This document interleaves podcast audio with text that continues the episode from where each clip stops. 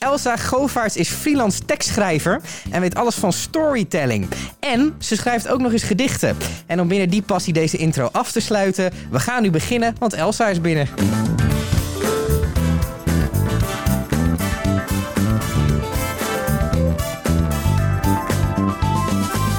Heb ik talent of eh, zou je zeggen keep your day, day job? Mwah, kan ermee door. Fijn. Ehm, Elsa, wat doe jij precies? Ehm, ik, uh, nou, je hebt het zelf natuurlijk al geïntroduceerd. Ja. Ik werk als uh, freelance uh, tekstschrijver. Ja. dus ik werk voor verschillende opdrachtgevers. dat is heel uit, uiteenlopend. Um, ik werk bijvoorbeeld voor ondernemers. Dus daar schrijf ik teksten voor, voor een website, social media. Mm -hmm. um, maar ik schrijf ook voor een titel, zoals Yoga Magazine. Mm -hmm. dus dat is weer net iets anders natuurlijk. Ja. En daarnaast schrijf ik heel veel creatief. Onder andere gedichten. En wanneer uh, kwam je erachter dat je dat leuk vond? Nou, als ik daar nu op terugkijk, zat dat er eigenlijk altijd al in. Ja. Is dat iets waar ik altijd al mee bezig was? Ja. Uh, dus als kind schreef ik heel veel in notitieboekjes. Um, maar ik denk dat dat pas meer iets is van de laatste jaren, dat ik daar ook echt mijn werk van heb gemaakt. Want wat heb je gestudeerd? Communicatiewetenschappen. Ja, zit wel een beetje in die, Ja. in die hoek. Ik zat wel in die richting, um, maar ik heb wel altijd, um, zeg maar, ik heb het op de universiteit gedaan en dat is heel breed en wetenschappelijk. En uh, toen ik afgestudeerd was, kwam pas eigenlijk dat moment dat ik uh, ontdekte van, ja, waar ben ik dan eigenlijk goed in en wat vind ik ook leuk. Wat, wat zag je tijdens die opleiding nog als andere opties? Hmm. Ja, de media is natuurlijk heel breed. Dus je kunt in uh, PR terecht, maar je kan ook in journalistiek terecht, in online marketing. Dus er zijn zoveel. Maar zag je dat als opties? Of Um, ja, ik zag vooral alle opties. En ik vond het vooral heel moeilijk om daarin een keuze te maken. is dat het probleem van zo'n soort opleiding? Denk het wel. Want als ik daar nu op terugkijk, denk ik dat er te weinig. Um, um, de, het gat zeg maar, tussen de, de theorie en de praktijk vond ik te groot. Ja. Ja. Ja, oké. Dus um, we spoelen even verder. Jij komt van je opleiding af. Um, wat ben je toen gaan doen? Nou, ik vond het ten eerste ook best wel tegenvallen uh, wat de, de baankansen zijn. Ja. Um, juist omdat je een wetenschappelijke opleiding hebt gehad, Ja. heb je weinig praktijkervaring. Ja. Um, dus dat vond ik best wel een uitdaging, omdat daar in vacatures wel altijd naar werd gevraagd. Mm -hmm. um, en zo ben ik uit, eigenlijk uiteindelijk in online marketing gerold. Mm -hmm. Uh, en uh, ben ik bij een bureau terechtgekomen en werkte ik voor verschillende klanten. En wat deed je dan daar teksten schrijven? Of? Ja, voornamelijk tekst schrijven. En ik werkte samen met, uh, uh, met videografen, fotografen en designers om uh, content te maken, beeld te maken. En wat is nou echt de les die je daar leert? Wat, wat heb je daar geleerd waarvan je denkt van dat, dat is iets wat mij definieert ook als schrijver?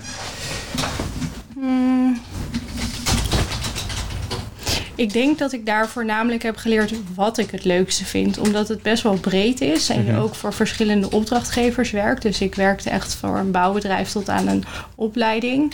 En ik kwam er zo eigenlijk achter wat ik, wat ik wel echt leuk vond qua richting. En ook wat, wat, ik in de functie het leukste vind. Ja. Wat mij ook heel lastig lijkt aan schrijven. Je ziet, um, er zijn hele spe je hebt Als je zo'n schaal hebt, heb je hele specifieke skillsets. Nou, die staan een beetje links. zijn weinig mensen die zeggen... Uh, ik kan dat. Um, en dan heb je schrijven, dat staat toch wel op een soort ander niveau. Er zijn, ik denk dat best wel veel mensen van zichzelf zeggen: ik kan wel redelijk een tekst schrijven. En wat is dan het verschil tussen die mensen versus de mensen die dat professioneel kunnen? Wat zijn die lagen um, die, die daarin zitten die mensen vaak niet beheersen? Goeie vraag.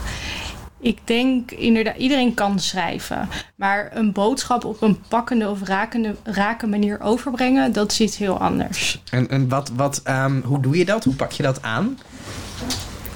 Wat ik heel belangrijk vind, is dat je bijvoorbeeld één boodschap communiceert. Ik zie vaak mensen die schrijven en dan uh, drie verschillende boodschappen in één in één verhaal willen, uh, willen proppen. Mm-hmm. En uh, dan komt de boodschap veel minder krachtig over. En een ander voorbeeld is dat ik uh, denk dat het belangrijk is dat als jij je boodschap wil overbrengen, dat er bijvoorbeeld een bepaalde mate van eh, je persoonlijkheid of je karakter of emotie in zit, waardoor je verhaal veel beter overkomt. Durven bedrijven dat? Uh, het ligt er denk ik aan in welke branche je kijkt. Moet jij soms bedrijven overhalen van... hé, hey, je mag best wel wat persoonlijker zijn? Vind ik meevallen. Ik denk dat um, als ik kijk naar... en dan heb ik het met name over online communicatie... dat daar best wel een trend zichtbaar is in um, mensen die uh, authenticiteit belangrijk vinden. En ja. die echt graag hun eigen verhaal willen vertellen. Alleen soms gewoon niet zo goed weten hoe. Ja. En um, nou ja, je zei, ik kom een beetje vanuit de digitale online marketinghoek. Um, is een magazine iets wat, wat, wat jouw hart sneller doet kloppen? Of is dat, past dat dan weer niet binnen? Ik hoor van veel schrijvers dat dat een soort van uh, de golden standard is. Ja, dat is wel altijd van mij een, um, een droom geweest om voor een titel te schrijven. Daar, ja, dat klopt wel, dat gevoel. Gevoel. Ja. ja. En is dat iets wat je ambieert? Of? Ja, ik vind dat wel. Uh, ik zou daar wel nog verder in willen groeien. groeien. Ja. ja. Is het, um, het, het is het verschil in zo'n magazine is bijna meer journalistiek? Of zeg ik dan iets heel raars? Nee, dat klopt. Is, ja. het, is, is, is jouw passie journalistiek of zou je dat niet durven zeggen? Dat zou ik niet durven zeggen, omdat op dit moment uh, vind ik schrijven in zoveel verschillende facetten mooi en interessant. Mm -hmm. En uh, neig ik wel heel erg naar journalistiek en mooie verhalen vertellen. Uh, maar vind ik de combinatie die ik doe ook heel erg leuk. leuk. Ja. Um, je zei voor dit gesprek. Um, ik, ik ga mij een beetje focussen op. Want je bent voor jezelf begonnen. Dat Ja. is nu Een half jaar geleden. een half jaar geleden. Wat Ja. was dat moment dat je dacht: ik ga voor mezelf beginnen? Nou, als ik eerlijk ben, uh, deed ik dat altijd al wat langer ernaast. Want ik schreef al gedichten voor mezelf. En ik had al een webshop met wenskaarten. Mm -hmm. Dus dat was een soort sidejob eigenlijk. Ja. En um, ja, op een gegeven moment kwam wel het moment dat ik dacht... ik moet helemaal voor mezelf gaan. Ja. Ja. En, en, maar dat is wel, er is natuurlijk wel een soort verschil in, want nu bied je die dienst echt aan. Terwijl wat je net noemt is meer een product. Klopt. Als je het, um, het ja, ik kan misschien beter uitleggen als in. Ik heb eigenlijk twee soorten bedrijven. Ja. Ik um, schrijf al een hele tijd gedichten en daar is uiteindelijk een webshop aan gekoppeld waar ik wenskaarten ook aanbied. En Ja. dat zou ik ook verder willen uitbreiden. En um, ik, ik werk voor mezelf als tekstschrijver. Ja. En daarin werk ik dus meer voor verschillende opdrachtgevers. Die commerciële, wat commerciële ja, opdrachten. Precies. Ja. Um, gedichten schrijven, dat is iets engs, lijkt me. Het is kwetsbaar. Mm -hmm. Lukt, lukt dat? Vind je dat makkelijk? Of? Ja, dat gaat me bijzonder makkelijk af. En hoe komt dat dan? Want ik denk dat het best... Ik zou dat best eng vinden. Ja, ik, dat begrijp ik. Um, bij mij komt dat voort uit. Um, ik heb een hele tijd uh, tijdens mijn studie heb ik bijvoorbeeld een blog gehad.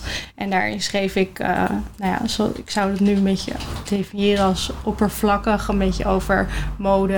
En uh, nou, in die tijd was dat heel erg in, zeg maar, om te bloggen. En uh, hoe langer ik daarmee bezig was, hoe meer ik dacht, ja, dit past eigenlijk helemaal niet bij mij. En er zit veel meer in mij dan wat ik nu eigenlijk laat zien. En um, toen heb ik besloten om daarmee te stoppen. En ben ik dus mijn eigen gedichtjesplatform uh, begonnen. Gestart. En hoe lang is dat geleden?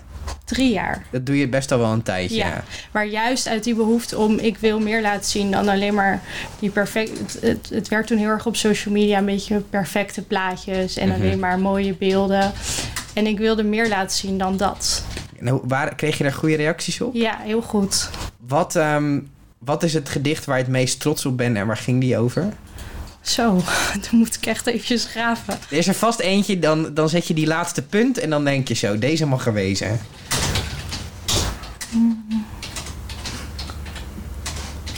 Nou, ik heb, ik denk inmiddels wel duizend gedichtjes geschreven. Ja. Dus dan zou ik wel echt eventjes terug moeten, moeten scrollen. Ja. Dan laten we, dan parkeren we, de, parkeer, parkeren we deze even. Um, wat maakt een gedicht een goed gedicht? Ik denk dat het heel belangrijk is dat het lekker leest. Uh -huh. Dus dat het rijmschema klopt. Um, en ik, ik vind het persoonlijk heel erg belangrijk dat het raakt. Mhm. Uh -huh. En ik schrijf heel erg over onderwerpen die uh, herkenbaar zijn. Uh -huh. Dat vind ik belangrijk. Dat het echt is oprecht en dat het raakt. Dat mensen zich erin kunnen herkennen. Het Zit humor, humor is niet per se dan het ding. Nee, niet, dat is niet helemaal het ding, het gaat nee. wel echt om de emotie en Ja. het verhaal erachter. Ja. Denk je dat mensen die zich herkennen in jouw gedichten jou als persoon begrijpen? ja, ik denk wel beter. Hmm. Ja. Het is toch wel weer heel kwetsbaar. Misschien ben ik gewoon zo'n lul die zichzelf niet kwetsbaar op kan stellen, maar het lijkt mij heel moeilijk. Nou ja, ik denk dat toen ik er net mee begon, natuurlijk is het dan eng. Mhm. En natuurlijk is het, ehm, het vooral ook als je persoonlijke dingen schrijft, het staat heel dicht bij jezelf. Ja. En als je dat dan deelt op social media, voelt dat best wel naakt. Ja. Dus ja, dat, natuurlijk heb ik dat wel gehad. Maar ehm, ik denk dat als ik, het voor me, als ik het zou moeten uitleggen, is het dat wat ik schrijf, dat voelt echt als iets dat eruit moet. Ehm, en dan moet je wel over je drempel heen. Maar als je het dan uiteindelijk deelt en je krijgt daar hele leuke reacties op en mensen herkennen zich erin, dan geeft dat ook heel veel voldoening. Dan is het alleen maar mooi en dan op een gegeven moment gaat dat ook veel makkelijker. Ja, Ja. Ehm, wat zijn je toekomstplannen? Wat zijn dingen die je nog graag wil doen? ik zou heel graag ooit een boek willen schrijven. Een, een, een fictie of non-fictie? Daar ben ik nog niet helemaal over, Over uit. Nee. Wat, wat zou je, als je non-fictie zou schrijven, wat zou je dan willen schrijven? Ehm, ik denk dat ik dan meer over persoonlijke ontwikkeling zou willen schrijven. Omdat dat ook mijn eigen interesse heel erg heeft. Wat, is, wat zijn inspiratiebronnen daar voor jou? Qua titels of Nou, niet per se titels, maar misschien lessen die je uit die titels hebt gehaald, dat soort zaken. Ja, toen ik eenmaal op het pad van persoonlijke ontwikkeling kwam, heb ik heel veel boeken op dat gebied gelezen. Ja. En wat ik daaraan heel interessant vind, is hoe je jezelf beter kunt leren kennen. Ja. En ehm, ja, daar ben ik gewoon heel erg in geïnteresseerd. En wat, wat heb je daar zelf uitgehaald? Ehm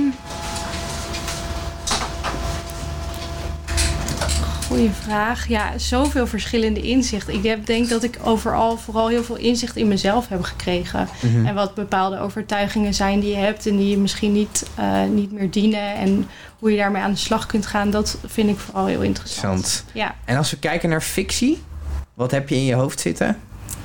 Hmm.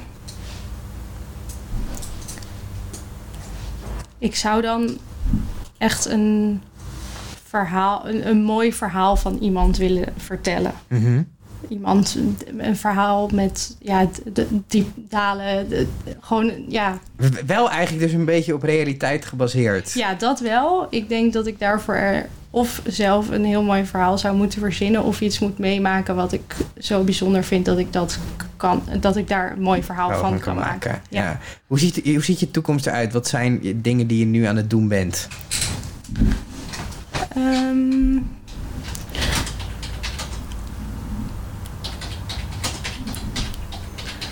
ja, ik ben met zoveel verschillende dingen bezig. Ja. Dat ik, ehm, da- daar moet ik nog een beetje richting in krijgen. Ja. Maar ehm, ik ben bijvoorbeeld bezig met storytelling traject eh, opzetten. Ja. Omdat ik het heel leuk zou vinden om eh, bewuste ondernemers ook te helpen bij het vertellen van hun verhaal.